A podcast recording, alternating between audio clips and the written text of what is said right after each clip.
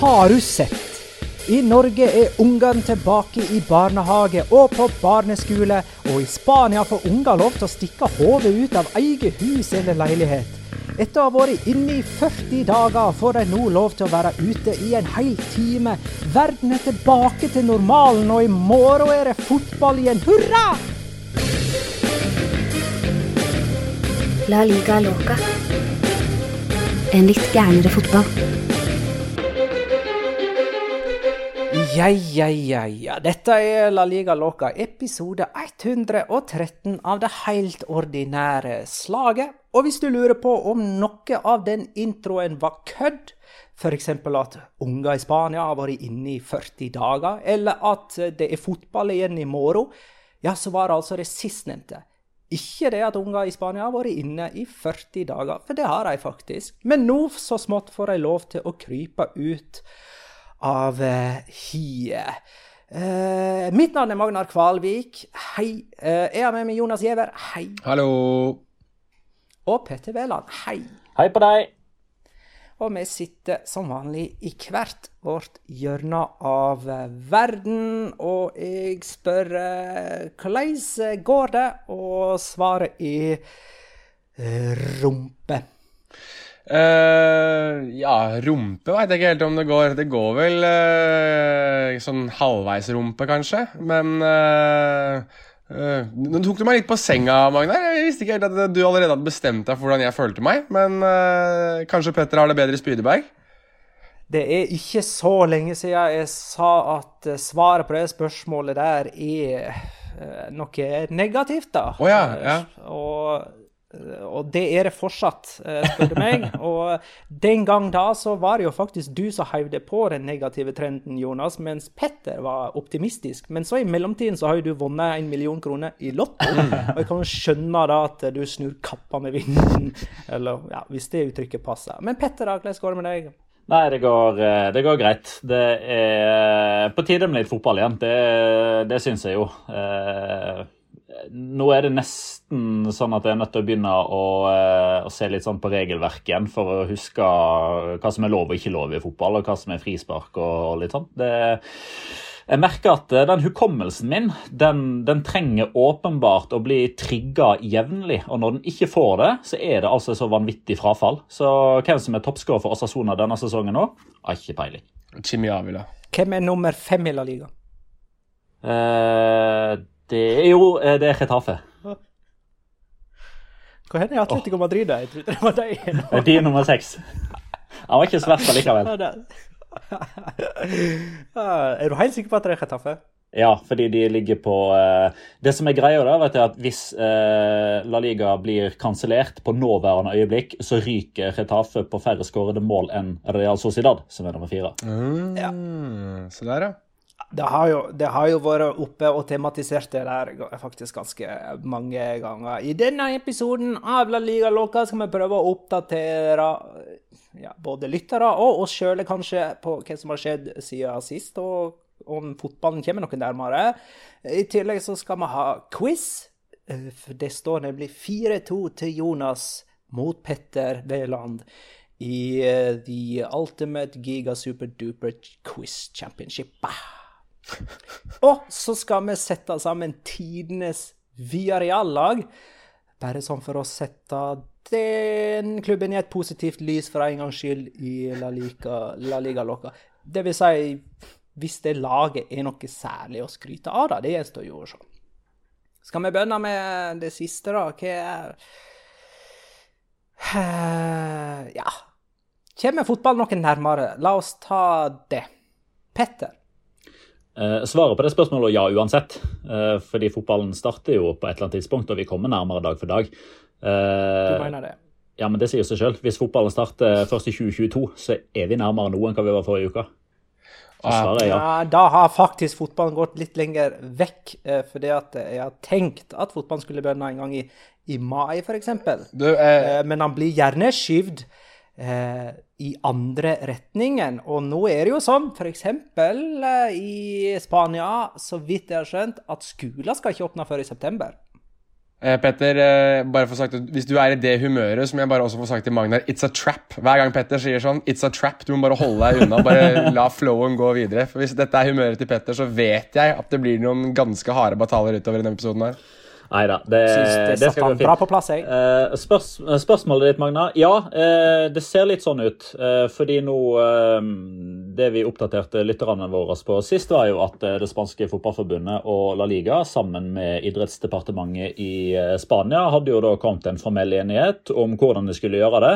Når eller hvis helsemyndighetene gir eh, klarsignal. Og Siden da så har jo både helseminister Salvador Ia og eh, statsminister Pedro Sánchez vært ute og sagt at nå nærmer de seg en gjenåpning av samfunnet under kontrollerte former, der man bl.a. får lov til å trene eh, fra og med neste mandag av, som jo da er 4. mai. Eh, så da skal eh, La Liga-spillerne igjen få lov til å trene på treningsfeltet individuelt. Eh, naturligvis da eh, under eh, strenge regimer med tanke på smittevern, og at det bare er én og én som kan få lov til å være eh, på samme sted osv. Eh, 18. mai så skal de deles inn i grupper. Da er det litt flere som kan få lov til å trene sammen. Antageligvis da fem og fem, uh, ut ifra hvordan man gjør det her i Norge. Og fra og med 1. juni så kan det etter planen da trenes eh, kollektivt. Og så er man nå eh, innstilt på at La Liga-oppstarten da er venta i midten av juni. Har Jonas lyst til å tilføye noe? Nei, ikke noe annet enn at uh, Salvador Illa, som Petter nevnte, altså helseministeren, var uh, også litt som uh, påpasselig med å komme med skal vi kalle det forbehold da, om at det ville være ansvarsløst av, spanske, av de spanske myndighetene å tillate fotballen å bli satt i gang før sommeren. Så for de som håper at fotballen kan være i gang igjen i mai Jeg ser jo at det er visse som håper at man kanskje kan begynne å ymte frampå at i slutten av mai så kan vi se litt fotball igjen. Det tror jeg ikke kommer til å skje i Spania. I hvert fall ikke i, i forhold til hvordan myndighetene har reagert. Og det gir jo også veldig mening da, at nå skal disse nasjonene sakte, men sikkert forsøke å gjenåpne seg slik vi har gjort i Norge. altså 27. april. I dag så har folk kunnet begynne å gå til frisøren osv. Det har jo vært eh, slått opp i absolutt alle aviser det at eh, folk har gått til frisøren plutselig. Det er jo bisart nok i seg selv, synes jeg, eh, for en mann som ikke har hår lenger. Men uansett så vil jeg jo anta at det betyr eh, at fotballen mest sannsynlig er det viktigste av det minst viktige. Og dermed ser man det returnere sakte, men sikkert, i hvert fall i, på den iberiske halvøy i, starten, midten av juni. Mens uh, det interessant nok er blitt tatt en litt annen, uh, litt annen vei i, i f.eks. Tyskland, der du kan se det allerede nå til neste uke, vel? Uh, I, i eh, begynnelsen av mai. Ja, der er det jo nå planlagt oppstart 9. mai, dersom ting går som, eh, som, som de håper der. Det var jo fordi Tyskland ble jo ramma i mindre grad enn en Spania, både Ja. med tanke på utbredelse og hvor tidlig de satte inn tiltak osv. Eh, noen andre ting som, eh, som har blitt klart i løpet av den eh, uka vi har vært fra hverandre, er jo eh, at eh, det spanske fotballforbundet har fått eh, gjort endringer i sine regler, eh, som man jo har sett seg nødt til å gjøre pga. denne eh, ekstraordinære situasjonen. Eh, der man da bl.a. har eh, lagt inn en, en paragraf i spillereglene, spillebestemmelsene, regelverket, om at skulle man ikke klare å fullføre en sesong pga. fuerza major, altså force major, eh, så vil eh, sluttstillinga bli stående på det tidspunktet der alle kamper, eh, eller alle lag har spilt et likt antall kamper. Og det er ikke så relevant for La Liga, for der har alle sammen spilt 27 kamper fordi Eibar og Real Sociedad rakk å spille den utsatte kampen. Det er derimot ikke tilfellet på nivå 2. For der hadde vi jo denne famøse kampen mellom Rayo Vallecano og Albacete som ble, eh, som ble stoppa i pausen pga. disse ytringene mot eh, Roman Sosolia. Stemmer det. Eh, Den kampen er jo ikke ferdig spilt ennå. Der gjenstår det én omgang. Og det var en kamp i serierunde 20. Eh, og det dette betyr da i praksis, er at dersom man ikke får fullført sekundasesongen, så er det ikke stillinger etter 31 serierunder, der f.eks. Real Saragossa er nummer to eh, og Deportivo la Coruña er nummer eh, 19. Det er ikke den som kommer til å eh, avgjøre hvem som rykker opp og ned. Det er da etter 19 serierunder, for det var på det tidspunktet alle lag på samme tidspunkt hadde spilt like mange kamper. Da er Deportivo la Coruña sist og kommer til å rykke ned. Mens Real Saragossa er nummer seks og kommer ikke til å rykke opp. Det gjør i stedet Almeria. Eh, for det er jo en annen ting som har skjedd, at Javier Tebas har, vært, har holdt et foredrag eller vært en gjest på eh, noe som kalles direktiv hos Adea, som er en sånn ledergruppe som har diverse gjester innom. og Der ble presidenten i La Liga, Javier Tebas, spurt bl.a. om hva som skjer med La Liga dersom man ikke får ferdig spilt, om det blir seriemester, om det blir nedrykk osv. Da er Javier Tebas klink klar på at det blir nedrykk fra La Liga, pga. at det er det eneste riktige å gjøre, basert på hvordan TV-avtalen er utformet utforma, at det ikke er rom i en TV-avtale å øke antall lag i La Liga, for da blir summen fordelt på flere lag. Altså sum, summene blir mindre til hver enkelt klubb, og det er ikke de lov til å gjøre. Eh, så akkurat nå da, så vil en i hvert fall tro at Español, Leganes og Mallorca i hvert fall begynner å eh, drive litt sånn lobbyvirksomhet for at eh, kanskje de skal begynne å spille litt fotball igjen. Det blir interessant å se da, hva man gjør i Spania, hva man egentlig gjør i de alle andre ligaene også nå, etter at Nederland har jo valgt å avslutte sin liga som første ligaen, vel, der man rett og slett har sagt at det blir ingen seriemester, blir ingen, ikke noe nedrykk, ikke noe opprykk. Uh, der er det jo vært ramaskrik så ettertrykkelig, spesielt fra Kambur, som vel ligger typ 15 poeng uh, på førsteplass uh, i andredivisjon i, i Nederland, og som ikke får opprykket sitt, mens det er vel Råda, vel, som har ligget lengst nede i er det æresdivisjonen. Uh, med sånn 15 poeng opp til trygg plass, som nå får lov til å spille æresdivisjonen neste sesong. Så Uh, jeg tror at det faktisk kan være med på å gjøre det enklere for de større ligaene og etter hvert si at vi også uh, stopper vårt ligaspill, fordi vi ser hvordan det har fungert i Nederland.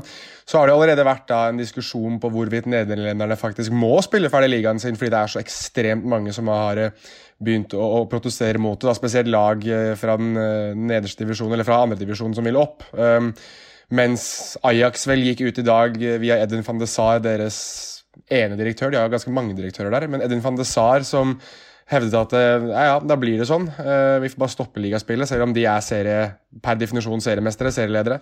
Uh, uh, bare for å spørre, har jeg, er det sånn type null og void avgjørelse? At sesongen teller ikke, eller stopper bare i sesongen med de resultatene som er. Nei, null and void, med andre ord. altså Sånn liga, ligaen ser ut nå, med tanke på at de to første, eksempel, AZ Alkmaar og, og, Ajax, er de to lagene som da er, er, kvalifisert inn til Champions League. Og så er det de lagene som kommer etter der igjen. Det er vel tre lag, tror jeg, som går til Europa League. Uh, mens de lagene som er nedrykk, rykker ikke ned. Og de lagene som er da uh, på opprykksplass fra andredivisjon, eller erste divisjon, som det heter, de rykker ikke opp. Så um, de, det er null and void, rett og slett. Det blir, de blir ikke kronet noen seriemester. Ja, vil det da si at uh, folk har gått på uh, kamp uh, i 25 serierunder, og ingen av de kampene telte nok ting? Det Jeg har betalt for kampbilletter kamp, som egentlig i praksis bare er treningskamper? Nei, I praksis så kan du kanskje si det, men du må også regne med at f.eks. Alkmaar og Ajax har jo kvalifisert seg til Champions League. Så sett på sett og vis så kan du jo si det på den måten, men Um, nei, du får jo ikke noe nedrykk, da. Du får ikke noe opprykk heller. Det er jo heller de som er i erste som jeg tror er mest forbanna. For der har du ganske mange som sikkert har gått på kamp i håp om å se laget sitt rykke opp. Som nå ikke kommer til å se det, til tross for at da Kambur ligger 15 poeng vel eh, på toppen. Eh, på lik linje som Liverpool ligger 25 poeng på toppen i Premier League, f.eks. Det er jo det som gjør det hele litt betent der. Eh, fordi eh, altså Eredivise og det nederlandske fotballforbundet tar jo i utgangspunktet denne avgjørelsen her eh, utelukkende basert på det som skjer i Nederland og det som skjer med nederlandske klubber. Men det som blir kimen her, er jo at de er en del av Uefa. Ja. Og Uefa skal neste sesong, uansett hva som skjer med denne sesongen, så kommer det en neste sesong der det skal spilles Champions League. Den er grei. Ajax, Asset Alkmaar, for de er nummer én og nummer to, og det er med ganske klar margin òg, så det kan man rettferdiggjøre. Europa League blir derimot òg en litt sånn eh, en kinkig situasjon. For der er det i utgangspunktet, sånn som jeg har forstått det, tre, fire, fem og cupvinner. Mm. Eh, men det ene laget som er cupfinalen, som vel er Feyenoord, men jeg husker, er jo eh, blant de lagene som ligger på Europa League-plass i Eridivise. Så der vil jeg Utrecht som jeg mener å huske, og har vært veldig ute og bryst med fjærene nå. At det hadde vært en måte å vinne en tittel på, ikke minst, men òg muligheten til å komme seg ut i Europa neste sesong. Eh, og, men, men, det hadde vært enda mer kinkig dersom det hadde vært noen lag fra Nederland og Belgia i denne sesongens Europaliga eller Champions League, men alle lag fra Nederland og Belgia er jo slått ut. Derfor har ikke Uefa vært eh, mer knallharde enn hva de har vært nå. Nå har de egentlig bare vært diplomatiske og sagt at man bør vente i det aller, aller, aller lengste å ta sånne avgjørelser, fordi det kan gi en dominoeffekt. Man er jo bl.a. redd for hva som skal skje med den skotske ligaen, for der er Rangers med. Uh, dette kommer jo også etter at myndighetene i Nederland har gjort litt som vi har gjort i Norge. Hvor de har uh, altså, slukket, uh, lukket av alle mulige form for arrangementer på mennesker altså, Arrangementer med, med, 500 mennesker eller flere, tror jeg. Jeg tror de er akkurat identiske som det Norge har.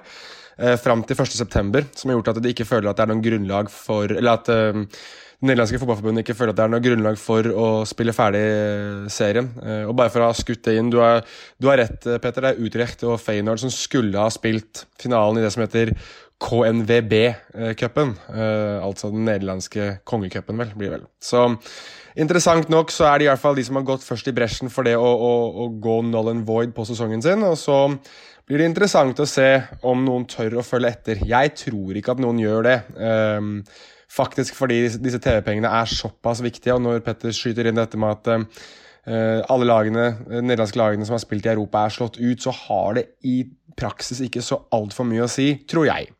Men uh, vi får nå se. Jeg tror i hvert fall at det kan fort være det som starter en form for dominoeffekt. At nederlenderne har turt, og vel også belgierne i hvert fall har stoppet sesongen sin og utropt en vinner allerede nå. Så da har du to mellomstore ligaer, hvis vi kan kalle det det, som allerede nå har sagt at vi kommer ikke til å spille videre. All right.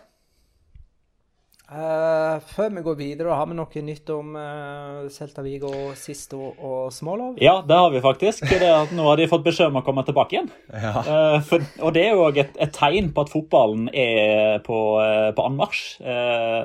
rett og slett sendt ut en beskjed til både Smålov og sist om at eh, nå er det på tide å komme dere til Vigo, boys. Ja, Så de er fortsatt i eh, Russland og Danmark, de? De er visst det. Uh, men, men, jeg syns vi må ta én ting til òg, eh, fordi det er faktisk ganske viktig av det som har skjedd den siste uka. her. Jeg syns det er litt positivt at vi kan bruke litt tid i begynnelsen på å oppdatere folk, for det betyr at det faktisk er noe som skjer. Eh, men dette her går jo litt mer på eh, Det er jo selvfølgelig direkte linka til fotballen, men det, det har litt å gjøre med den stadige sammenblandinga av fotball og politikk.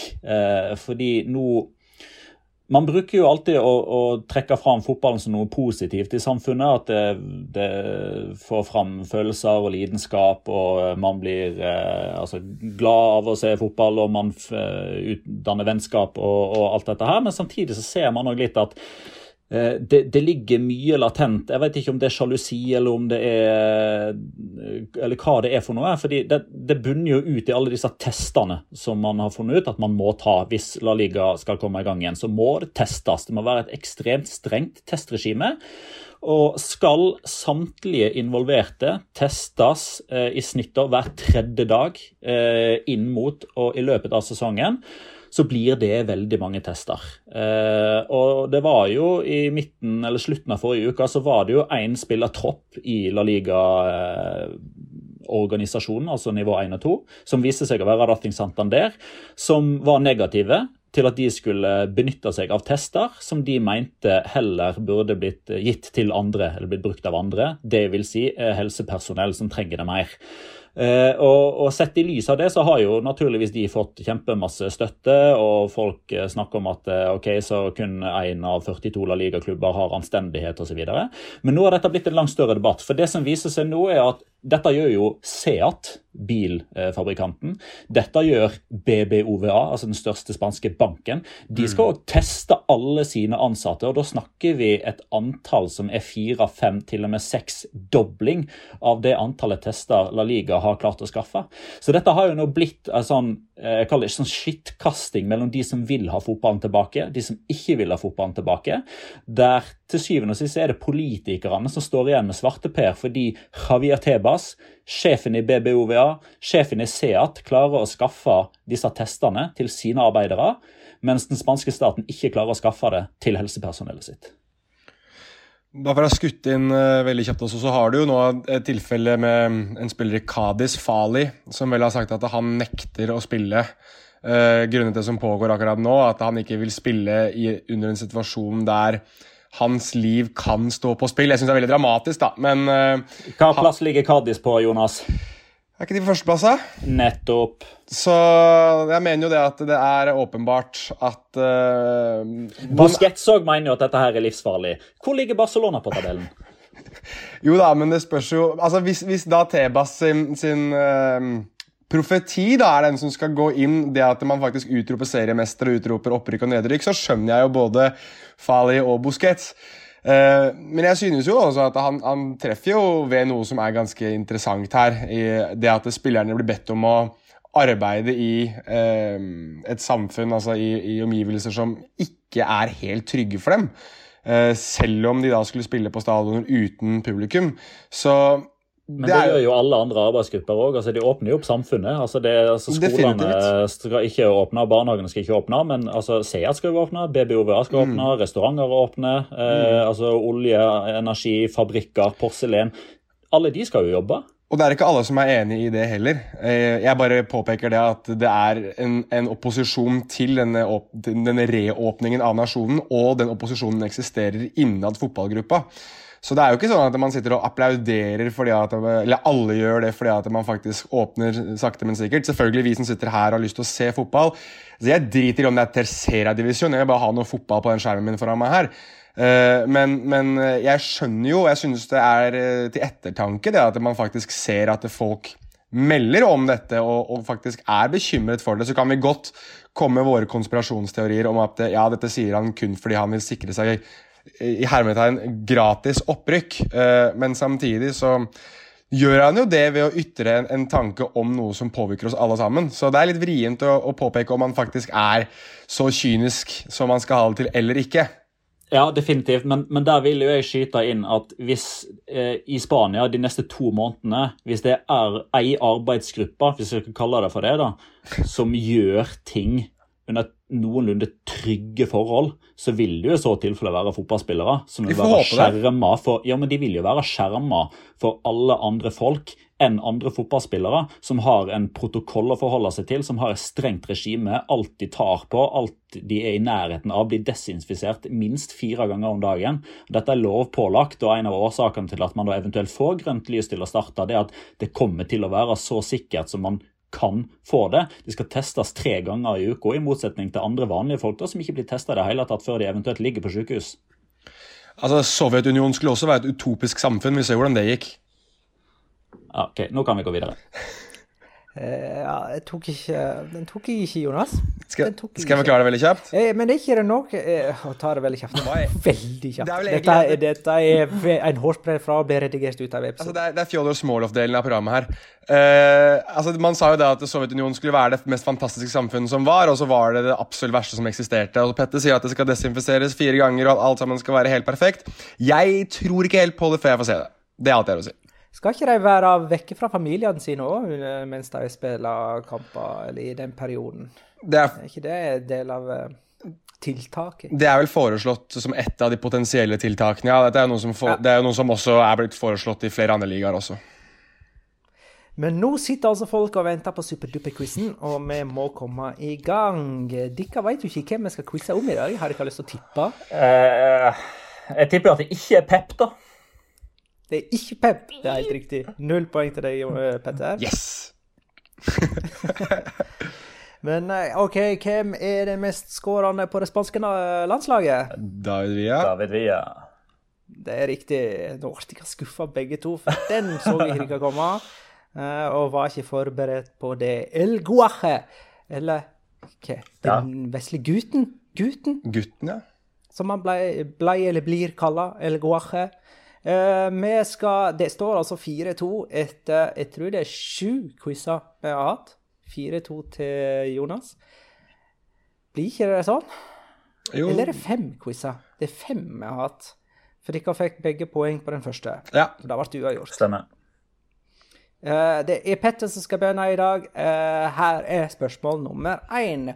Pga. en skade som liten gutt ble David Villa ambidexter. Hva vil det si? Ambi Dexter. Am, altså, tobeint? Altså kan skyte med begge bein? Riktig! Yes! Han er like god Han ble like god med høyre som med venstre. Uh, fordi at han skada høyrefoten sin som liten gutt, og sammen med faren trente han dermed venstre. Jonas, Ja. med hvilken klubb fikk David Villa sin debut i Primera Divisjon? Uh... Åh, kan Altså, jeg vet, at, jeg vet jo hvordan han starta, starta karrieren sin, og det var jo Sporting Gijon, men uh, var han i Primera da? Ja, jeg går for Sporting Gijon, jeg. Det er feil! Han debuterte i La Liga som Real Saragossa-spiller. Mm. De to uh, Sporting Gijon-sesongene hans var i Segunda divisjon. Og med Real Saragossa så vant de jo sitt første trofé. De slo jo Real Madrid i Copa del Rey-finalen i 2004. David Villa skåra det ene målet for eh, Real Saragossa. Det ble 3-2 etter ekstraomganger. Er noen som husker hvem som skåra for eh, Real Madrid? Nei. Eller har sett det i seinere tid. Ja. David Beckham og Roberto Carlos på hvert sitt frispark. Figo spilte, Zinedine Zidane spilte, eh, Raúl spilte. Det var et ganske bra lag det Mm. Saragossa slo der. Ingen Mamadou Diarra. Nei, han var ikke kommet Nei. til eh, eh, Real Madrid da. Petter, det er din tur. David Villa spilte fem sesonger for Valencia fra 2005 til 2010. I hvor mange av disse ble han deres toppskårer i La Liga? I hvor mange av de fem sesongene? Ja,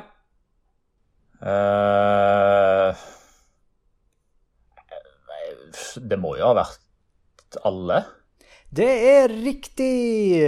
Han var toppskårer i alle fem sesonger for Valencia. Hans beste sesong var i 08-09. Da skåra han 28 mål på 33 seriekamper, men han ble jo likevel ikke toppskårer i La Liga, for det ble Hvilken sesong var det?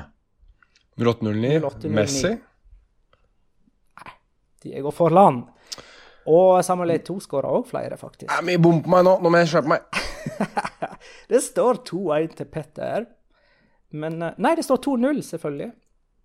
Jonas har jo ikke ett eneste riktig svar Ja, ennå. ett spørsmål mindre også. Her kommer spørsmål nummer to til deg. Eh, Jonas, når man snakker om David Villa for bokstavkombinasjonen MVP, to ulike og ganske konkrete betydninger, hva da? NVP. MVP. MVP. Uh, altså, MVP er jo Most Valuable Player, da. Det må jo være en av dem, regner jeg med. Uh, MVP Most Valuable Player Eh, Begynner jeg på Mejor et eller annet, ja, men det må jo være Nei, MV, Most Valuable Player er i hvert fall den ene, men den andre vet jeg ikke helt. MVP? Hva satan kan det være? Mestai Fem sekunder. Nei, jeg vet ikke hva den andre er, faktisk. Det her var vrient.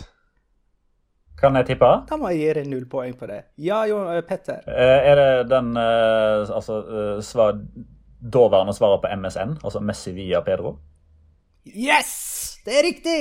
Husker ikke dere det at den angrepstrioen ble omtalt altså MVP? Før BBC og MSN og hele gjengen? Nei, Uansett. Var det den første trioen, liksom? Ja, det må det ha vært. Eh, dette var jo den trioen som skåra hvert sitt mål i Champions League-finalen for Barcelona mot Manchester United i 2011.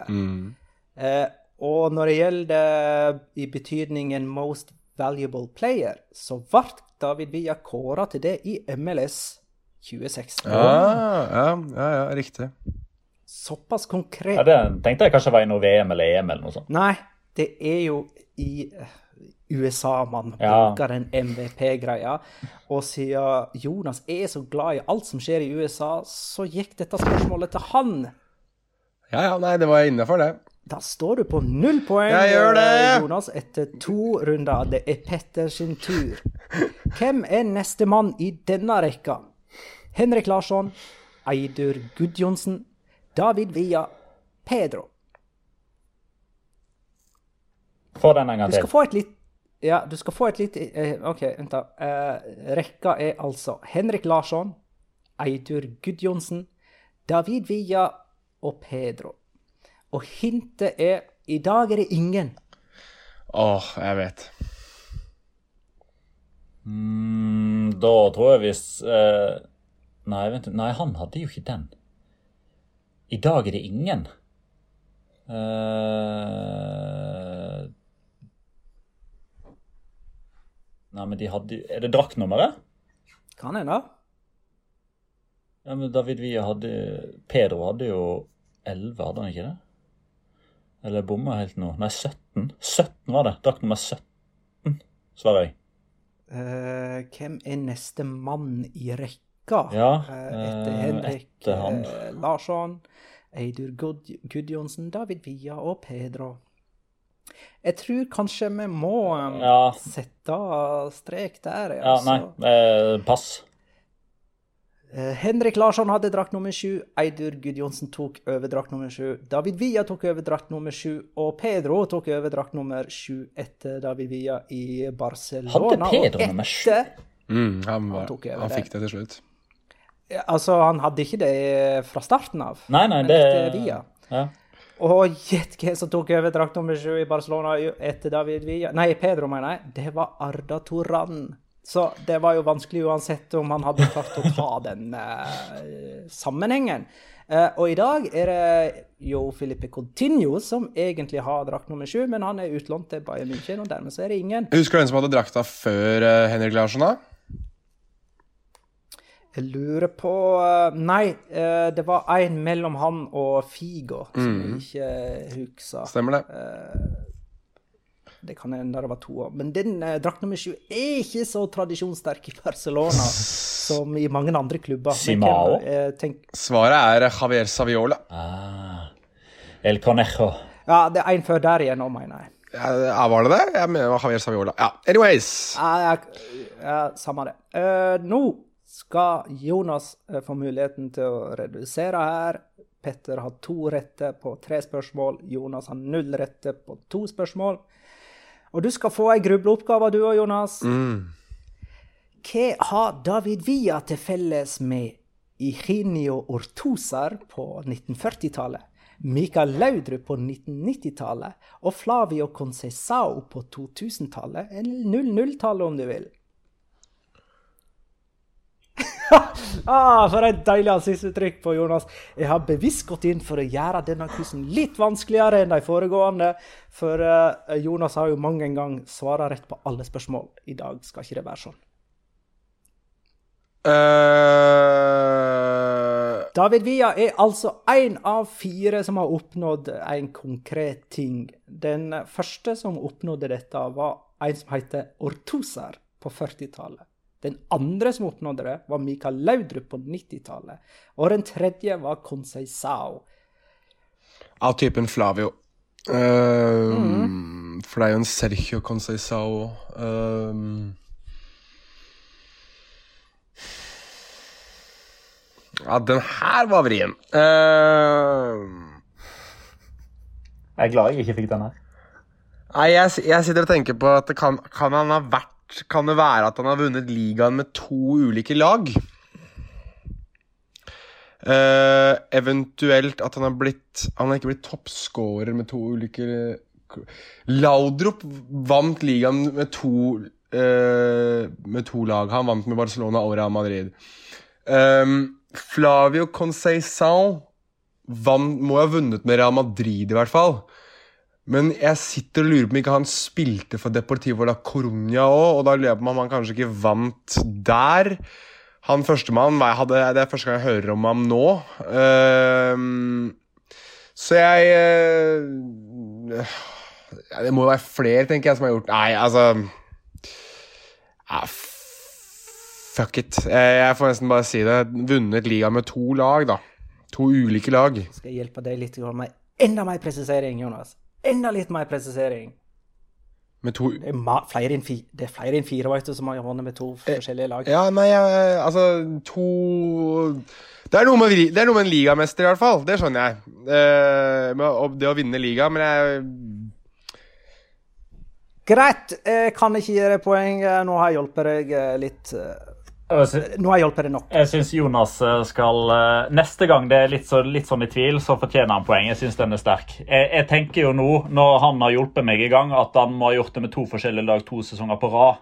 For det gjorde David Villa. Riktig! Ja, ja men for faen, da! Det, OK, jeg skal tenke på det, Jonas, til senere i quizen. Okay. Hvis det er sånn at det bikker, så skal jeg ta en vurdering på det. ok, greit. Har jeg ment Da at jeg var snill med Jonas nå, da? Ja. Det står uh, 2-0. Kommer det noe sånn her uh, Hvor mange uh, EM- og VM-titler vant David Villa Vi med er Spania? Og hva pleier å skje når eh, vi er halvveis i quizen, folkens? Ja, da stopper vi. Da tar vi en pause. Det gjør vi, ass. Eh, så får vi sette sammen et Villarreal-lag ganske kjapt, da. Det burde jo gå fort. Ja, der er det jo ikke så mange gode som har vært. Eh, jeg fikk jo bestemme det meste da vi satte sammen Sevilla-laget. Eh, Jonas fikk bestemme det meste med Valencia-laget. Du, Petter, får vel egentlig eneretten på samtlige posisjoner på Villarreal-laget, så take it away. Ah. Begynn med keeper. Det gjelder fra 92, dette her òg, sant? Ja da, det, og i 92 så var jo Villarreal en maktfaktor i, på nivå 4 i spansk fotball. Så nei da, her er, nest, her er alle fra 2000-tallet. Det, det trenger vi ikke være i tvil om. Ja, for, eh, men noen fra 98 vel, som, som også ble med inn på 2000-tallet, eller er det ingen av dem? Det- altså, 98 var deres første sesong i Primera. Eldst, Eldstemann eh, på dette laget her eh, spilte den første La Liga-sesongen eh, på typ andre forsøk. Altså Han var ikke med på det første opprykket og nedrykket, men så kom han fra Barcelona. Men han er stopper, eh, og vi skal begynne mellom stengene. Eh, og som Villarreal-supporter, den keeperen jeg husker best og har best minner eh, av og fra, er jo Mariano Barbosa. Eh, men han var nok ikke best. Eh, han var nok mer heldig med lagkameratene sine. Eh, Diego Lopez er en god kandidat, men det er jo egentlig Jonas som har foreslått elveren, og så har jeg gjort noen små justeringer. Så her skal Jonas ha sin ære òg, og kan kanskje forklare hvorfor han valgte Sergio Asenjo. Jeg synes at Sergio Asenjo har um, på mange måter blitt litt sementert med Villarreal, sånn i form av at han egentlig skulle være Atletico Madrid og Spanias virkelig store målvakt i mange mange år framover. Og så var det jo alle disse skadene han hadde, og så har han bygget seg opp og bygget seg opp. Og det har han jo gjort mer eller mindre i Villarreal. Så han har jo blitt Villarreal-gutt i langt større grad enn han var Atletico Madrid-gutt, i hvert fall i, i, min bok. Så Eh, med tanke på også det skyhøye nivået han kan ligge på, og det at han er på en måte blitt en klubbspiller, så satt jeg og drodla litt med Diego Lopez, jeg også, men jeg tenkte at Asenjo hvert fall var grei å foreslå. altså Den tid det ikke var noen andre forslag, så tenkte jeg at jeg får slenge ut mitt, og så får vi se om Petter og Magnar halshugger meg, men jeg fikk tydeligvis innpass på Sergio Senjo, så da lot jeg det stå, jeg, uten å gjøre noen endringer. Dagens viarealspiller, eller dagens Villarreal-keeper, Sergio Asenjo, i en alder av 30 går inn på tidenes Villarreal-lag. Sterkt det, da. Eh, Da går vi til høyre Ja. vel. Ja, det gjør vi. Og der, mens du er inne på spillere som fortsatt spiller i klubben, så er jo Mario Gaspar eh, blitt dyttet inn der. Og eh, jeg synes jo at eh, det ga veldig mening, og litt med den samme grunngivningen som Asenjo, at han på en måte har blitt en del av det man regner som Viareal. Eh, hvis han hadde lagt opp i dag, f.eks., så hadde jeg regnet han som en av de spillerne Når noen sier ja, si fem spillere fra Villarreal, så er nok han fort en av de jeg hadde nevnt. Ene og alene for han nesten Du virker nesten som han alltid har vært der, da. Og da, da tror jeg at du fortjener å få en plass inn på et lag som dette. Så Mario Gaspar var eh, igjen en jeg foreslo, og igjen en som kom inn på laget.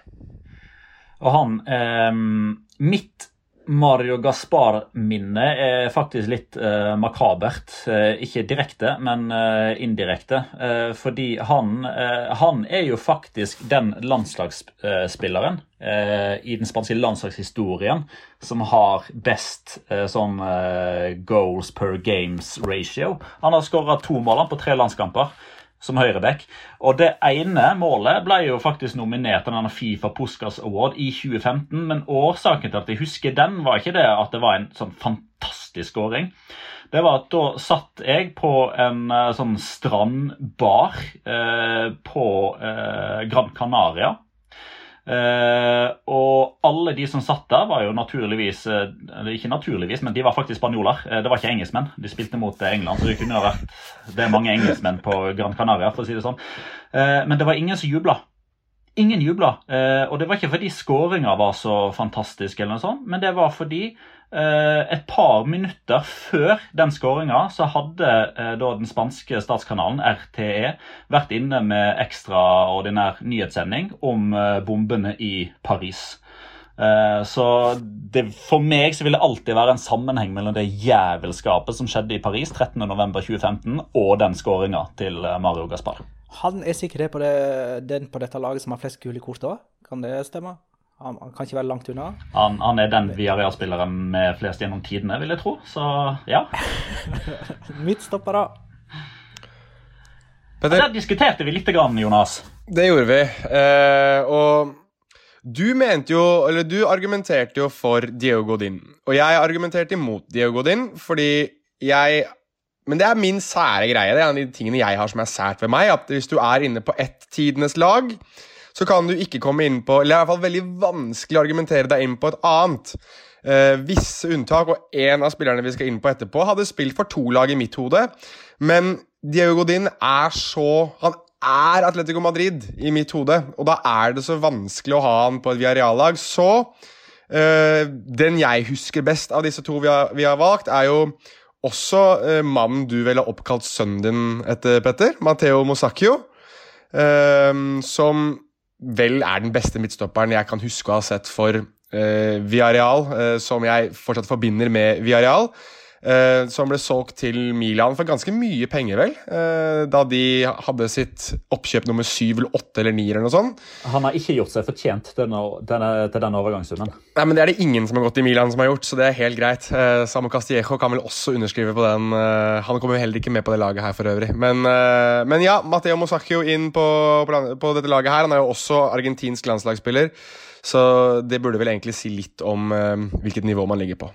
Skal vi presisere at eh, sønnen til Petter heter Matheo og ikke Mosakio? Ja, riktig. ja, det, det, er helt riktig. Uh, altså, Bare før folk tenker sånn han er vel, han faen tenker bare i fotball. Det, det, han er ikke direkte oppkalt, men det passer seg veldig fint. Eh, og Årsaken til at jeg setter Matheo Mosakio veldig høyt som Viareal-supporter, for å legge vekk eh, det at jeg jobber med, eller har jobba med La Liga, Eh, det er jo det at han ble med ned når eh, Viareal rykka ned i 2012. Eh, da var det veldig mange andre klubber som ville ha han. Men han følte at han ikke hadde bidratt på en god nok måte til at klubben hans hadde Altså at han var skyld i nedrykket, mer eller mindre, mente han. Så han ble med ned og spilte de opp igjen, og det er sånt som Uh, uten sammenligning for øvrig, da, men det gjør jo at f.eks. Del Piero da har for alltid uh, legendestatus hos enhver Juventus-fan fordi han ble med, i motsetning til Zlatan f.eks. Makkeren hans, da?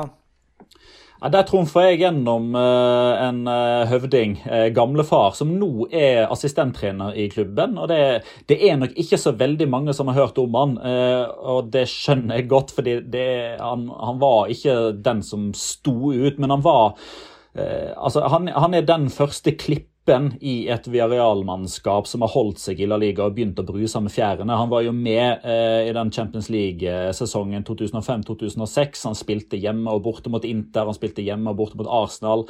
Eh, så Kike Alvarez, eh, han blir med, eh, og så er jeg er, jeg er, godt med på at f.eks. Gonzalo Rodriguez hadde et høyere nivå og var en bedre fotballspiller. Men jeg føler liksom én må liksom være med fra de hine håre dager òg. Kjempeglamorøst eh, stopperpar. Eh, nå går vi til venstre back. ja, jeg eh, Altså, jeg husker jo Rodolfo Arruabarrena veldig godt. Eh, men jeg husker han merkverdig nok bedre. Hva hender Capte Villa her? Ja, det er, det er, Vi skal inn på hvorfor han ikke er med her. Eh, Jeg foreslo han egentlig som høyreback, og det sier jo kanskje litt om hvor mye jeg faktisk husker av ham. Men jeg husker at han scora mot Inter i uh, den 2005-2006-sesongen, som, som, vel tok via Real videre uh, den sesongen, som gjorde at han også fikk en sånn slags uh, kultstatus i klubben, bare pga. det mens Petter feirer på video her idet jeg nevner navnet hans. Ja, Det var Men, sånn han jubla. Og det var sånn, bortover sånn. Med dytta hånda framover og tilbake, ja. ja det er jo typisk, Bra radio. Veldig typisk uh, argentinsk uh, feiring. Men jeg husker han egentlig aller best som Boca Juniors-trener. Uh, for der var han tidvis helt krise. Så det er liksom mitt minne av, av, ham. Han har også vunnet Copa Libertadores som Boca Junior-spiller, så uh, ja. Han uh, fortjener, en, fortjener, en, plass i laget. Og så spør Magnar hvor er Joan Captivilla. Ja, det kan jeg spørre om, jeg òg. Uh, Petter var den som til slutt ville ha Arroa Barena, så han kan forklare det, han. Ja, han er min Mendieta, da. Arroa Barena. Ja, han skulle bare med. Okay. Uh, ja. Samtidig så kan jeg jo støtte meg litt på din forklaring. At skulle vi ha laga et Deportivo Best Eleven, ja. så hadde Captivilla vært der.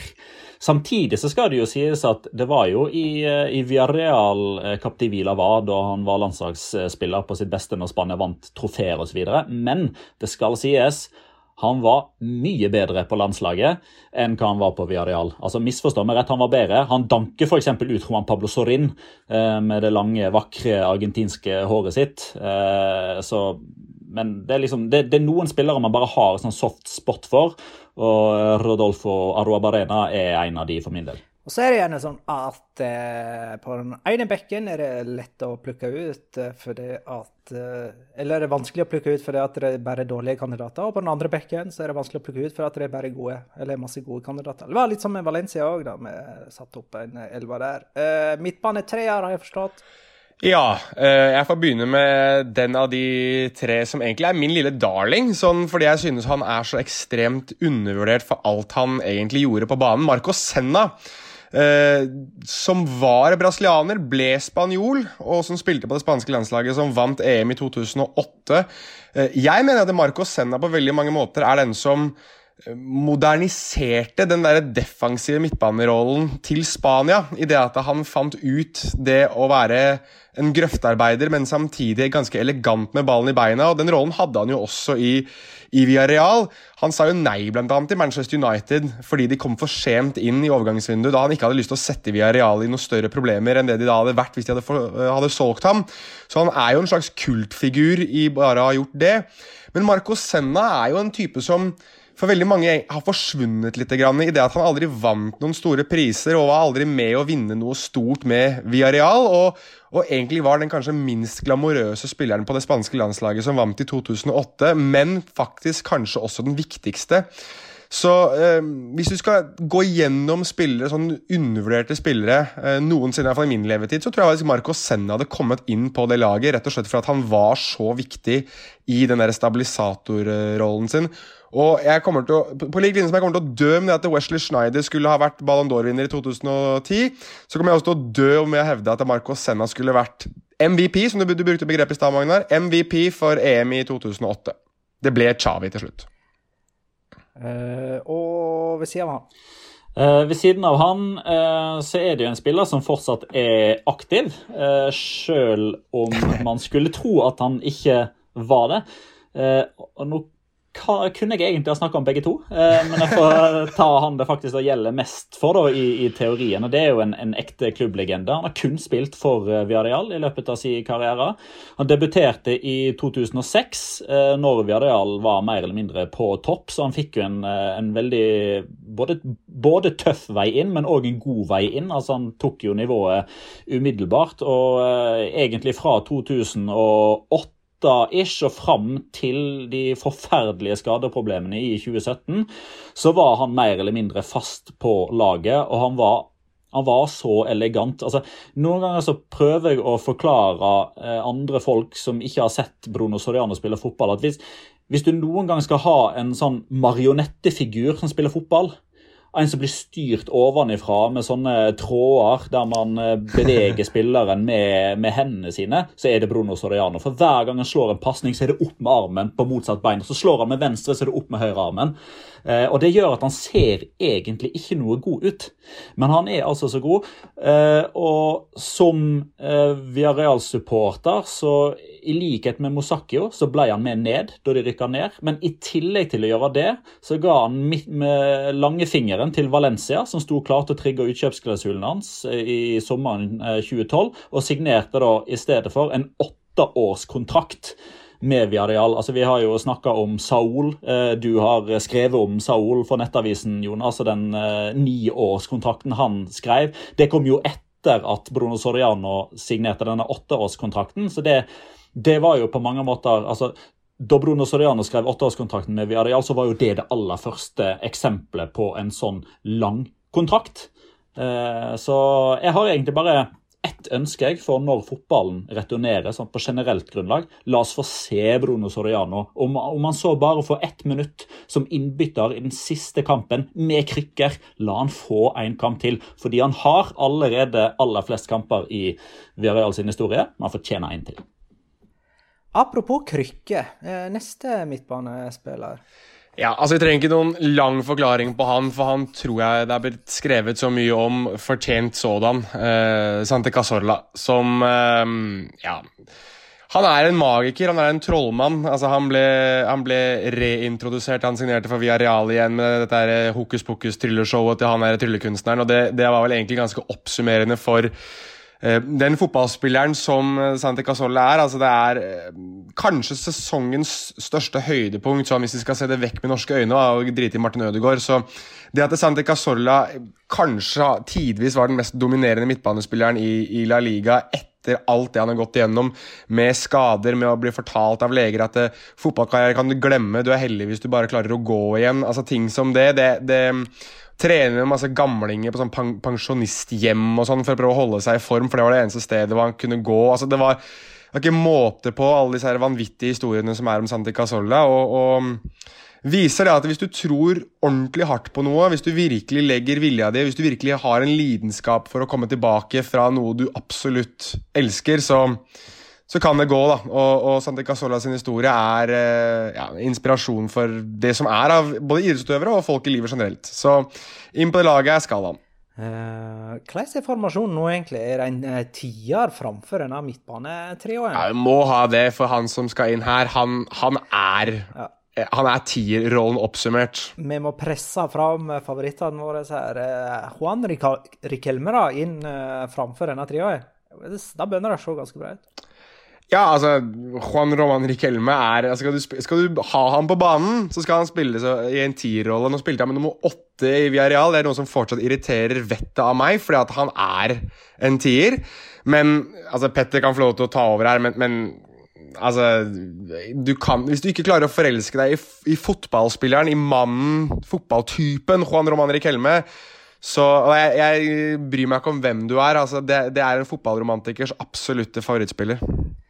Petter er jo litt sur fordi at han bomma på den straffen ja. i semifinalen mot Arsenal i 2006 i Champions League. Men vet Petter, Villarreal hadde aldri spilt semifinale i Champions League den sesongen uten Rikelme. Nei, det er helt riktig, det. De hadde aldri kommet seg dit. Det var jo han som slo frisparket som uh, Arua Barena stussa i mål mot Inter i tillegg. og Um, altså Rikelme for meg er på mange måter oppsummering av hele fotballen. Uh, av hvorfor man uh, veldig ofte elsker fotball, men av og til òg hater det innstendig. Uh, og en liten sånn shout-out til uh, en uh, jeg, kjenning av podden som, som, hører på oss. Og vi hører naturligvis på hans podkast òg, Morten Galaasen og Trym Hogner. Jeg har nettopp sett den Tidenes kamp som har blitt laga av TV 2 om, om, Lillestrøm og Start. Og egentlig hele den opplevelsen der kjenner meg sånn igjen i. Der man sitter og ser hele verden rase rundt hverandre, og det man elsker som høyest, er det som gir de verste øyeblikkene i livet. Sånn var det òg med, med Rikelme og Viadial da Lehmann redda straffen i 2006. Altså, Eh, han er den desidert beste fotballspilleren som har ikledd seg ei Viadial-trøya, men han har òg gitt det største arret i fotballminnene mine. Jeg må også anbefale folk altså Hvis du snakker spansk, eller jeg tror kanskje det eksisterer noen der det er teksting òg, prøv å se noen av disse intervjuene med Erik Helme der han på en måte forklarer sin, sine tanker om fotball. Altså Det er jo kanskje verdens mest poetiske mann som forklarer ting på de enkleste måter som eksisterer. Det er blant annet en jeg må få tatt, GPS, eller? Ja, der er du en. Der han ikke skjønner noen ting hvorfor folk bruker GPS. Altså Det handler ikke om hvor mye du løper, men hvordan du løper osv. Jeg må bare ta det veldig veldig kjapt, dette med Erik Helme. og De, altså, da han spilte i Boca Juniors, hadde de gått ganske mange kamper uten å vinne. Og så hadde de vunnet en kamp, og da er det en, en reporter som spør ham om altså, Kommer sola til å skinne i morgen, liksom? Og da svarte Rick Ellemann hva er det du skal fram til nå? Og så svarer han at ja, dere vant jo en kamp igjen, og da rister Rick Ellemann på hodet og sier at no hay que ser tan dramatico, es fotball. Det betyr at du trenger ikke å være så jævla dramatisk, dette er fotball. Og det, er, og det er liksom han oppsummert. Fotball er bare fotball for ham, men for alle oss andre så er det å se han spille fotball kanskje den største og mest fantastiske artisteriet som eksisterer. Og så er det spisparet. Uh, ja, uh, og så uh, youtube.com, og så Rikelme pluss Pepsi. spissparet Eh, der har vi faktisk veldig mange å, eh, å vrake, altså. Eh, altså Vi har jo en Jonas-favoritt i Cedric Bakambo. man har ikke Chukwu Uche, Nilmar, Carlos Bacca, Sonny Andersson, Martin Palermo. Uh, det er veldig mange som ikke når opp her. Uh, og Jeg kan jo bare ta den ene av dem. Altså, Giuseppe Rossi uh, han har skåra flere mål enn noen annen spiller i Viareal-historien. Han skåra 82 mål på 192 kamper. og Det er jo en link over til han andre her òg, for han fikk det jo ikke akkurat til i, i Manchester United, Giuseppe Rossi, og det, det gjorde jo ikke sidemannen heller. Nei, det er uruguayanske Dio Forlan, som eh, hadde jo en stor arv, da. Hans far var jo en fantastisk stor fotballspiller. De spilte begge vel for Independiente, hvis jeg ikke husker feil, i, uh, i Argentina. Um, men Diego Forlan var, var altså så fantastisk god. Han, han, virkelig fikk lov til å utfolde seg på den måten han var, med det lange, flagrende håret sitt. Nummer fem på ryggen, det husker jeg også irriterte vettet av meg. Eh, men sånn hva angår komplett spiss, så var det et tidspunkt der Diego Forlan kanskje var en av de absolutt mest komplette spissene i Europa. Men han ble glemt veldig mye, for det var på et tidspunkt der du hadde typer som, som Via, som Zlatan, som Torres, som Carlos Tevez bl.a., som var kanskje litt mer spektakulære. Men når det kommer til å levere jevnt og trutt og over en årrekke, så var eh, Diego Forlan helt i, i sin egen klasse. Og um, det han leverte for Villarreal Kanskje han var enda litt bedre i Atletico Madrid, men det startet virkelig for ham i Europa med Villarreal. Og da, selv om Diego Godin ikke kommer med, selv om det startet for han der og kanskje var enda bedre i Atletico Madrid, ja, så tar vi litt igjen her, da. Så er det, i, er det her Diego Forlan får plass, for han kommer nok ikke til å få plass for Atletico Madrid, dessverre fire spillere da, som er like gode med krykke som ball. Eh, Asenjo, Casorla, Bruno Soriano og Giuseppe Rossi. Eh, det... Godt observert, eh, Magnar. Også apropos David Villa og det å være god med begge bein. Altså, Både Diego Forlan og Santi Casorla har skåra på straffe i La Liga med både høyre og venstre. Ja. Det fins noen av dem. Skal vi gå tilbake til ja, David Villa? Eh, treneren, treneren da, eh, vurderte lenge Miguel Ángel Lotina, men det blir jo Pellegrini. Nei, Lotina Fytterakker. Det var han de rykka ned med, var ikke det? Lotina det, i 2012. Helt riktig. Ja, Det er derfor du liker han så godt. Pellegrini er jo Viareals svar på Nils Arne Eggen. De har jo aldri kommet seg etter at han uh, ga seg. Uh, Petter, det er din tur. Du leder 2-0 i Superduper Mega Quiz Championship. I 2010 kom David Villa på toppen av ei liste som tidligere hadde blitt toppa av kvartetten Emilio Botragenio, Fernando Morientes, Fernando Iero og Raúl. Hvilken liste snakker vi om her, da? Mestskårende landslagsspiller for Spania. Nei, dessverre. Uh, den uh, lista ble ikke toppa av den kvartetten. Uh, kvartetten toppa lista over mestskårende for Spania i VM-sammenheng, og den tok David Villa over. Okay. De fire nevnte hadde fem mål. David Villa kom opp på seks mål. Å ja, så de lå likt? Ja, OK. Ja, da, greit. han misforsto spørsmålet. Villa stoppa til slutt med ni VM-mål i sin eh, karriere, det siste mot Australia i VM 2014. Og han er altså som sagt toppskårer for Spania gjennom alle tider, med 59 mål på 98 kamper. Jonas, hvem mangler i dette selskapet? Thomas Müller, David Villa, Wesley Snyder. Ehm, ta det en gang til. Thomas Müller, Ja. David Villa, Wesley Snyder. Vi skal ha tak i en fjerde mann her.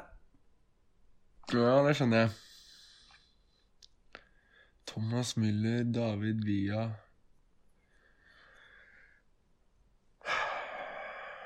Dette er VM i 2010, det, da. Må det være, må det ikke det? Kan det være Diego Forlan? Er det han skal fram til? Det er riktig! Det var de fire toppskårerne i VM 2010. Alle hadde fem mål. Jeg tror det var eh, Thomas Müller som fikk eh, gullballen til slutt. Er det det heter? Gullstøvelen, Gull, kanskje? gullstøvel. Gullballen gikk vel til Diego Forlan, tror jeg. Hvis jeg husker feil. Gullballen, er det Ballon d'Or, det? Eh, Nei, det er, ja, altså gullballen, VMs beste spiller, type. MVP. MVP, ja. Ja, eh, jeg tror Thomas Müller fikk toppskårertittelen i VM 2010 for at han hadde flere målgivende enn de andre. Mm. Eh, nå skal Petter svare på følgende spørsmål. I 2018 skåra David Villa sitt 400. mål som profesjonell fotballspiller og vært den andre Spania-fødte spilleren som nådde den milepælen. Hvem var den første? Altså, en Den første spanjolen som hadde mer enn 400 mål i karrieren sin. Ja, som rund... Ja. Og da kan du stryke sånne som Alfredo Di Stefano, f.eks., for, eksempel, for han ble jo født i Argentina og skåra jo landslagsmål både for Argentina og Spania, i tillegg til at han spilte for Colombia. Så dette er liksom heilspanske folk da, som ikke har blitt liksom spanjoler ved pass, liksom. Ehm, jeg er jo litt trist at jeg svarer Raoul her, da. Så jeg, svarer, jeg svarer Raoul.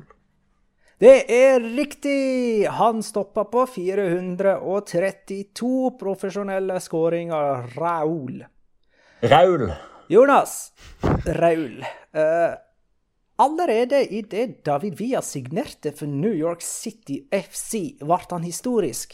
På hvilken måte da? Øh, Igjen, du får jo alle disse USA-spørsmålene. ja, tusen jævlig takk for det. Ehm, han ble historisk da han signerte Altså, han signerte jo for City Group mer enn noe annet enn han signerte for, nei, for New York City. Det var jo snakk om at han kanskje skulle spille for Manchester City, men så endte han jo opp med å dra til Melbourne City. Men jeg mener å huske at han dro til Melbourne fordi han ventet på at New York City skulle få lov til å spille. Eh, At de skulle inn i MLS, fordi det var et år imellom. eller et eller annet sånt nå, Så jeg lurer på om ikke han var deres første signering. Eh, Helt riktig, Jonas! Jeg gidder ikke å dvele Ja. noe mer. Her skal det enten være poeng eller ingenting. faen, jeg- David Villa ble New York City sin aller første spiller. Eh, Franchisen ble oppretta i 2013 og skulle spille MLS i 2015. Og han signerte i 2014 etter ett år i Atletico Madrid. Eh, de signerte jo senere Frank Lampard og Andrea Pirlo. Og Mix Diskerud. Mix Diskerud. Ja, og i eh, David Villa sin aller første MLS-kamp i mars 2015 sendte han en målgivende pasning til Mix Diskerud. Er ikke det utrolig? Eh, da er det faktisk eh, 3-2 til deg, Petter, når ett spørsmål gjenstår. I 2007 spilte David Villa Champions League-kamp for Valencia mot Rosenborg på Mestalla, men da ble han faktisk en liten gutt sammenligna med en tomålsskårer. Hvem var angriperen som satte Villa i skyggen? Det er en tidligere kollega av meg og deg, Lish Ivers. Steffen Iversen, man of the match på Mestalla den høsten. Jonas, du skal få uh, mulighet til å pynte litt på resultatet, som man sier. Uh, klarer du sånn i farten å komme på de siste to kampene David Villa spilte for Melbourne City? Nei, jeg bare tuller. Faen, eh, nå begynte jeg å lure på hva du dreiv med, ass. Klarer du sånn i farten å komme på de siste to kampene David Villa spilte for Atletico Madrid? Eh, ja, jeg burde kunne det. Eh, for det tror jeg var uh, Ja, det må jo ha vært på Camp Nou mot uh, mot Barcelona, da ikke Atletico Madrid vant seriegullet. Diogo Godin og Alexis Sanchez i, skåret for hvert sitt lag 1-1. Og så spilte han vel også den påfølgende Champions League-finalen mot, uh, mot, Real Madrid i Portugal eller et sted. I Lisboa, ja. Mm, der uh, Sergio Ramos ble udødeliggjort for evig og alltid, og Real Madrid til slutt vant 4-1 over Atletico Madrid.